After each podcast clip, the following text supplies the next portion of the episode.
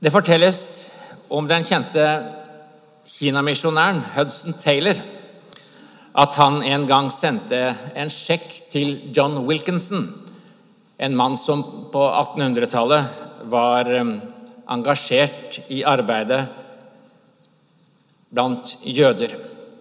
På sjekken hadde Hudson Taylor skrevet 'For jøde først'. Senere, forteller historien, kvitterte Wilkinson med å sende en sjekk til Hudsons misjonsarbeid, og på sjekken hadde han skrevet 'og så for hedninger'. Denne lille historien kan tjene som en illustrasjon på det som er satt opp som prekentekst for denne jubileumsgudstjenesten, nemlig Romerne 1, 16 og 17. Vi reiser oss og hører teksten. For jeg skammer meg ikke over evangeliet. Det er en Guds kraft til frelse for hver den som tror, jøde først og så greker. For i det åpenbares Guds rettferdighet av tro til tro. Slik det står skrevet, den rettferdige skal leve ved tro. Amen.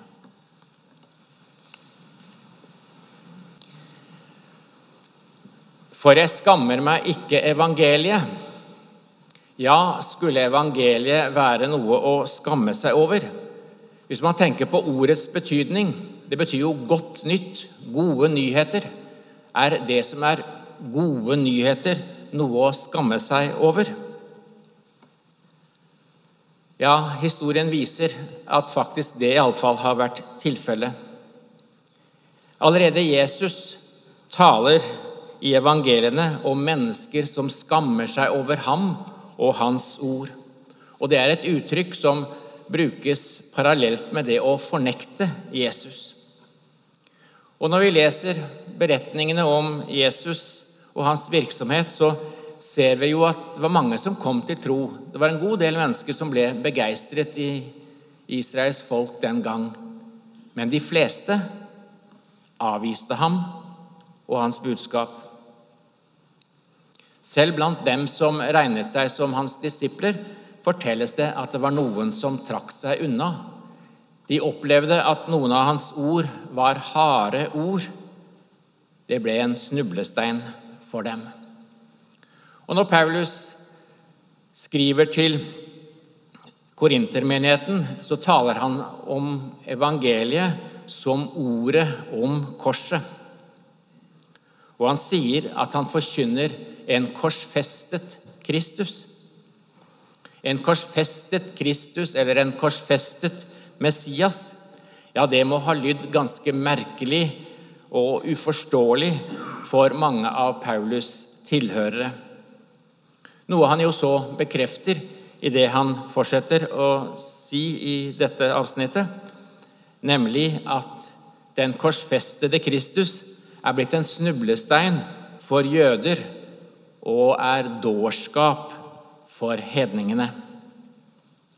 Nettopp forkynnelsen av Kristus, eller Messias, som en korsfestet Messias, hadde nok vært noe av utgangspunktet for fariseeren Saulus' forfølgelse. Han hadde henvendt seg til de øverste myndighetene i folket og fått fullmakt til å dra til synagogene i Damaskus for å oppspore og arrestere de som trodde på Jesus som Messias. Som vi vet, så lyktes han jo ikke helt med det prosjektet, for utenfor Damaskus så åpenbarte Jesus seg for ham. Og han talte til ham på hebraisk, sånn som vi fikk hørt nå i gudstjenesten. Jesus talte til ham på hebraisk og kalte ham til en helt ny tjeneste. Men det faktum at Jesus, som Paulus, eller rettere sagt Saulus, hadde sett på som en som villedet folket, og som ved det faktum at han var blitt for, for, uh, korsfestet, jo måtte være forbannet av Gud Altså, det, det, kunne ikke komme noe mer uventet overfor Paulus enn nettopp det at det var denne som var forbannet av Gud, som åpenbarte seg for ham. Vi tenker ut fra denne teksten at Paulus var den første kristenforfølger. Men man kunne like godt sagt at han forfulgte jøder. Det er verdt å merke seg at de han var ute etter, regnet han med å finne i synagogene i Damaskus. Det er med andre ord tale om jøder. For på dette tidspunktet var alle Jesus-troende jøder. Det var knapt noen hedning, altså en ikke-jøde, som hadde hørt evangeliet og kommet til tro. Alle Jesus-troende var til å begynne med jøder. De gikk fortsatt i synagogene. De trodde på Abrahams og Isak og Jakobs Gud, slik alle jøder trodde. Men ikke alle trodde at Jesus fra Nasaret var den Messias som profetene hadde fortalt skulle komme. I så måte var de første Jesus-troende en minoritet innenfor sitt eget folk og etter hvert skulle de bli utstøtt av synagogene og måtte samles på annet vis. Når Paulus et par tiår senere skriver et brev til menigheten i Roma, så skriver han altså det vi hørte, at evangeliet er en Guds kraft til frelse. Ja, det hadde Paulus i realiteten selv fått erfare. Og så legger han til for jøde først, og så for greker. Vi blir nødt til å ta et lite dypdykk inn i dette begrepet. Jøde først, og så greker. Det høres jo egentlig ganske underlig ut når vi ser på verdens kirker i dag. Flertallet av de som hører Jesus til, har jo ikke noen jødisk avstamming, men er hedninger. Hva betyr så dette uttrykket 'jøde først, så greker'?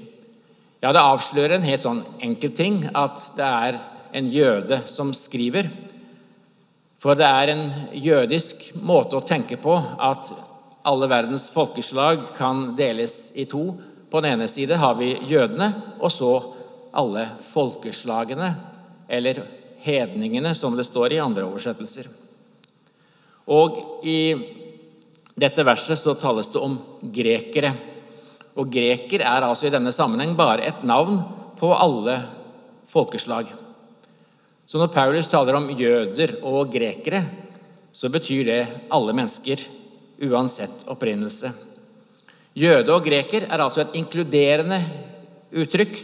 Det skal omfatte alle. Men så skal vi også merke oss når Paulus bruker dette begrepet jøde og greker, og det bruker han ganske mange ganger, så står jøde alltid først. Det kan oppfattes som en rangordning, men det er åpenbart ikke slik, i alle fall ikke i alle tilfeller. Av sammenhengen vil det fremgå at Paulus kan tenke på noe annet. Det heter f.eks. i Romerne 10,12 for her er det ikke forskjell på jøde og greker.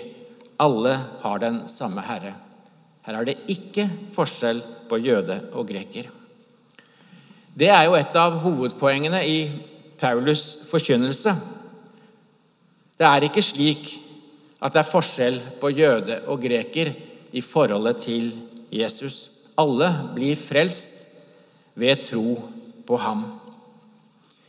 I samtiden var dette på sett og vis et ganske oppsiktsvekkende og revolusjonerende budskap. Det var nemlig veldig mange som i den første kristne tid tenkte at dersom hedninger skulle få del i frelsen, så måtte de først bli jøder. De måtte holde Moseloven for å få del i disse løftene. Dette kan vi lese om i Apostlenes gjerninger kapittel 15, hvor det fortelles at det kom noen jøder fra Jerusalem til Antiokia og sa til dem:" hvis dere ikke følger skikken vi har fra Moses og lar dere omskjære, kan dere ikke bli frelst. Det er klare betingelser, men verken Paulus eller Peter eller Jakob eller de andre apostlene kunne akseptere et slikt krav. Som, Paul, nei, som Peter sa eh, på dette såkalte apostelmøtet. Han sa følgende Vi, dvs. Si vi jøder, tror at vi blir frelst av Herren Jesu nåde, vi på samme måte som de, dvs. Si som hedningene. Frelsen er ikke basert på omskjærelse og lovgjerninger, men utelukkende på Herren Jesu nåde. Derfor er det ikke noen forskjell på jøder og hedninger. Og akkurat det samme sies jo da i prekenteksten vår. Evangeliet er en Guds kraft for alle som tror. Det omfatter jøder, grekere, russere, nordmenn, somaliere eller hvem det nå måtte være. Men det står altså 'for jøde først, og så for greker'. Og Da virker det som at man først sier én ting, at her er det ikke noen forskjell, men så nevnes det i en slags prioritert rekkefølge. Hva betyr da 'først'?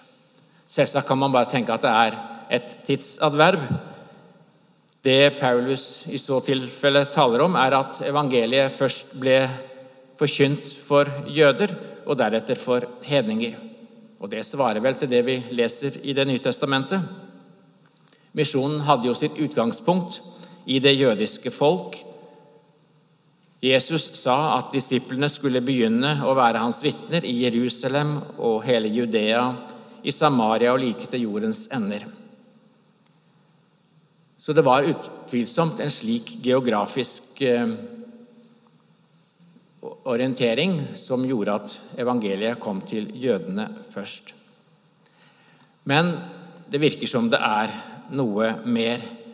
Det var ikke bare at de rent tilfeldig skulle få høre evangeliet først. Nei, de hadde en førsterett til evangeliet. Hvordan Paulus forsto dette, fremgår i grunnen ganske tydelig når man leser om hans misjonsvirksomhet i apostlenes gjerninger. For han fulgte hel, en helt konsekvent ehm, strategi. På ethvert nytt sted oppsøkte han synagogen og forkynte evangeliet for jødene. Og dette har Paulus ikke bare gjort av misjonsstrategiske grunner, men han har følt seg forpliktet til å gjøre det på denne måten. Det sies veldig klart når han er på en av sine misjonsreiser og kommer til Antiokia i Pisidia, i dagens Tyrkia. Når han står overfor menigheten i synagogen der, sier han det var nødvendig å forkynne Guds ord til dere først. Det var nødvendig. Paulus utfolder ikke hva det betyr, men det er god grunn til å tenke at han hadde løftene i Det gamle testamentet i tankene. At disse løftene primært var gitt til Israels folk, og at de derfor også måtte få høre om løftenes oppfyllelse i Jesus Kristus. Det er derfor ikke så underlig at når vi leser om Paulus' forkynnelse, så går den ut på at han ut fra Skriftene viste at Jesus var Messias. Det var det som var hovedpoenget i forhold til det jødiske publikum. Å vise at Jesus fra Nasaret faktisk var oppfyllelsen av de løfter Gud hadde gitt i sitt ord. Sånn sett så ser vi altså at det er noe med tidsaspektet her, men også noe mer. For når vi leser Romerne 1,16, så ser vi at det er jo ikke bare en beskrivelse av hvordan misjonen foregikk. Det ser ut til å være et allmenngyldig utsagn om evangeliets kraft til frelse. La oss se litt nærmere på den situasjonen Paulus befant seg i da han skrev dette brevet. Vi er vel omtrent år 55-56. Det har gått en over 20 år siden Paulus møtte den oppstandende Jesus utenfor Damaskus. Han hadde brukt tiden flittig til å forkynne evangeliet for sine landsmenn. Og i lang tid hadde han drevet planmessig misjonsvirksomhet. Han hadde reist omkring i hele det østlige middelhavsområdet. Og han hadde alltid oppsøkt de jødiske synagogene og forkynt evangeliet der. Men når man ser på det som fortelles, så skjønner vi at denne misjonen ikke nødvendigvis kan kalles noen stor suksess. Noen kom til tro, men enda flere avviste budskapet, og han ble ofte aktivt motarbeidet.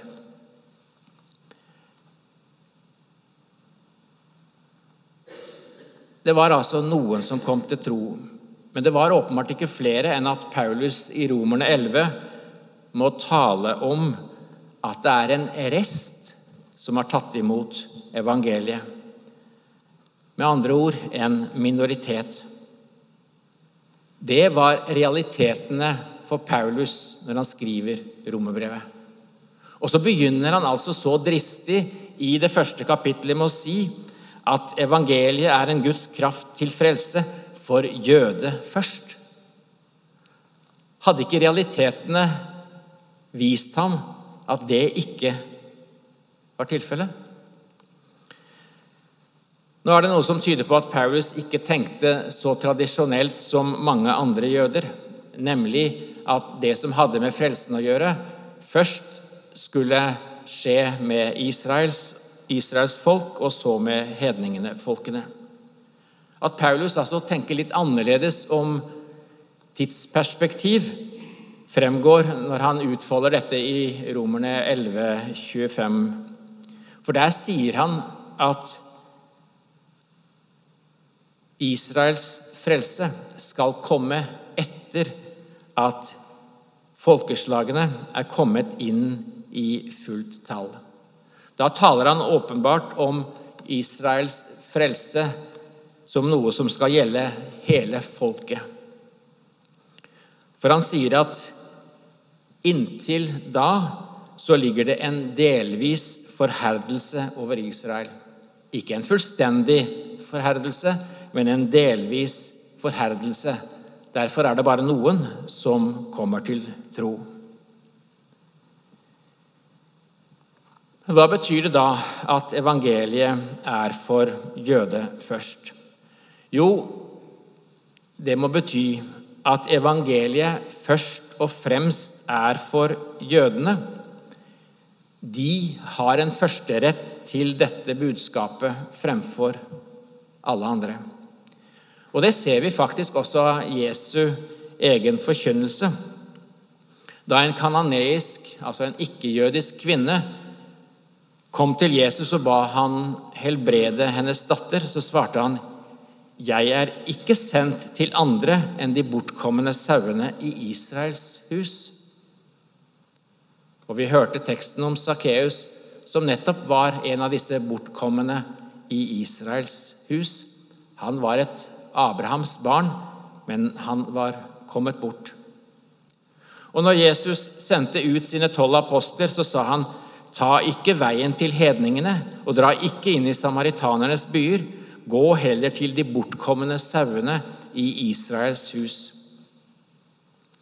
Nå vet alle dere som sitter her, at Jesus også sa noe mer.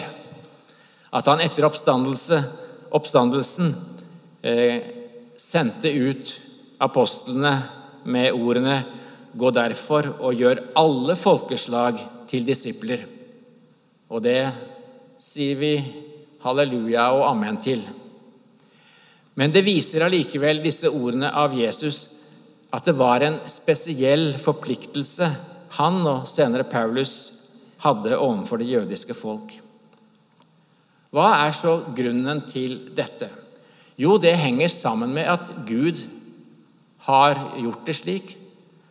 Han har utvalgt et folkeslag framfor andre folkeslag. Det var ikke fordi de var så mye bedre. Nei, Vi kan lese tekster i Det gamle testamentet som veldig klart understreker at denne utvelgelsen var begrunnet i Guds nåde og barmhjertighet, ikke, noe, ikke ved noe i folket selv. Guds løfte til Abraham, slik vi leser det i første Mosebok, skulle få konsekvenser for alle folkeslag, sies det. Men det var allikevel primært gitt til Abraham og hans etterkommere. Og det er et faktum som vi ikke kan komme bort ifra. Så derfor fastholder Det nye testamentet jødenes førsterett til evangeliet. Hva betyr så dette for misjon blant jøder, som er bakgrunnen for denne jubileumsgudstjenesten? Saken er jo den at jødenes særstilling som et utvalgt folk ofte har blitt anført mot å drive misjon blant jøder. Gang på gang dukker det synspunktet opp at det er unødvendig og urett å drive misjon blant jøder. I et tysk opprop om jødemisjon som i 1860 ble sendt til en rekke lutherske kirker, gjengis en del innvendinger mot å drive misjon blant jøder. og Jeg skal kort nevne et par av disse, fordi de har så stor aktualitet den dag i dag. Jeg leser fra dette oppropet, ikke på tysk, men i et litt gammelmodig norsk. Man har ment at når Israel skal omvende seg, da vil Herren gjøre noe ganske spesielt. Men på sådanne forhåpninger vil vår lutherske kirkes nøkterne sinn aldri tørre å innlate seg, fordi den vet at ingen kan kalle Jesus for Herre uten ved Den hellige ånd, og at denne ånd ikke meddeles annerledes enn ved ord og sakrament. Det er meget nøkterne, men kloke ord. Det viser at israelsfolkets særstilling ikke innebærer at de blir frelst på noen annen måte enn oss hedninger. Det nye testamentet kjenner bare én vei til frelse. Det er ikke noe annet navn gitt under himmelen vi kan bli frelst ved, sa jødiske Jesus-troende til ikke-troende jøder. Det var til dem han understreket apostelen Peter at det ikke fantes noe annet navn som man kunne bli frelst ved. Visstnok er det noe spesielt og underfullt ved Israels frelse i endetiden, når hele folket, ser det ut til, på en eller annen måte skal akseptere dette budskapet. Men de blir ikke frelst på noen annen måte enn vi. Bare hør hva Paulus sier i romerbrevet. Jeg leser et par vers derfra, i kapittel 10.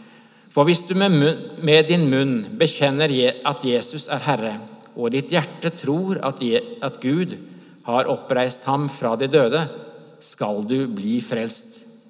Med hjertet tror vi så vi blir rettferdige, med munnen bekjenner vi så vi blir frelst.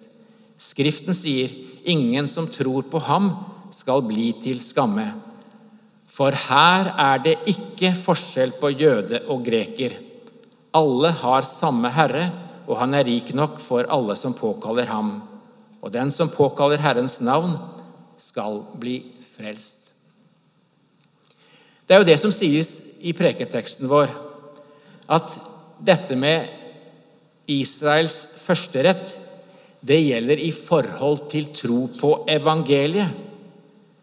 Tro på evangeliet som en Guds kraft til frelse. Det er det budskapet som har kraft til å frelse. Og det gjelder først for jøde og så for greker. Men det fins ikke noe annet ord som gir kraft til frelse. Den andre innvendingen som ble reist i dette oppropet fra 1860, var at Tiden for jødenes omvendelse ennå ikke var kommet. Han henviste altså til dette ordet om at Paulus sier at først når hedningene er kommet inn i fullt tall, da skal hele Israel bli frelst. Men helt korrekt så avvises denne innvendingen ved å vise til Paulus' egen praksis. Han var utrettelig opptatt av å forkynne evangeliet for sine landsmenn. I starten av Romerbrevets tiende kapittel så ser vi hvor mye dette ligger ham på hjertet. Mine søsken, jeg ønsker av hjertet og ber til Gud at de må bli frelst. Og der taler han altså om sine jødiske landsmenn. Og så, i det neste kapittelet, i Romerne 11, så vedgår Paulus at han først og fremst er misjonær for hedningefolkene. Men legg merke til hvordan han uttrykker seg. Så sant som jeg er hedningenes apostel, setter jeg min tjeneste høyt, i håp om å kunne egge mitt eget folk til misunnelse og frelse noen av dem. Han håpet altså ved, sitt, ved sin tjeneste, når han forkynte evangeliet for hedninger, at dette også skulle føre jøder til tro. Og Hvis den store hedningemisjonæren Paulus kunne si det slik, burde også vi føle oss forpliktet til å forkynne evangeliet, eller sørge for at evangeliet blir forkynt for det jødiske folk. Som jeg sa, Paulus' misjon blant jøder var ikke den store suksessen. Og Det samme kan vel sies om jødemisjon i våre dager. Men det faktum at man ikke har så store resultater, må ikke føre til at vi ikke forkynner. Vi er forpliktet på Jesu ord til å gjøre alle folkeslag til Jesu disipler, det jødiske folk inkludert. Gjennom hele historien har det, til tross for at det kanskje ikke alltid så, har vært så synlig Det har alltid vært Jesus-troende jøder i den kristne kirke. Og jeg tenker at nærværet av Jesus-troende jøder er veldig, veldig, veldig viktig. For det første, det er en konstant påminnelse om at den kristne kirke består av Jesus-troende jøder og folk fra andre folkeslag. Og det skal minne oss hedningekristne om at vi har fått del i løftene som først og fremst var gitt til Israels folk. I Romerne 11 bruker Paulus dette bildet at hedningefolkene er innpodet i det treet som har sine røtter tilbake til Abraham, Isak og Jakob. Vi var opprinnelig uten disse løftene, men gjennom evangeliet har vi også fått rett til disse løftene sammen med Israels folk. Og for det andre I det samme kapittelet i Romerbrevet slår Paulus fast Gud har ikke forkastet sitt folk, det folk han hadde vedkjent seg. Når jøder kommer til tro på Jesus, er det i virkeligheten et viktig, synlig bevis på at Gud er trofast. Det skal gi oss som ikke er jøder, en trygghet for at Gud står ved sitt ord og sine løfter.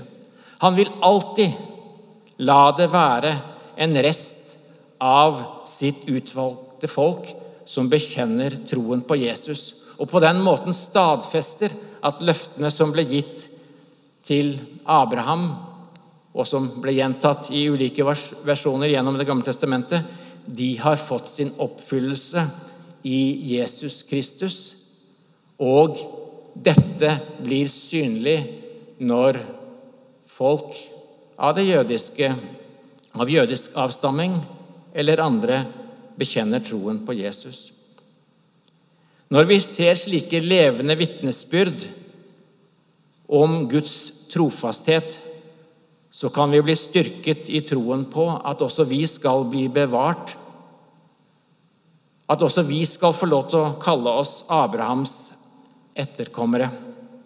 Også vi skal få regnes som Abrahams barn når vi tror på den Gud som rettferdiggjør den ugudelige.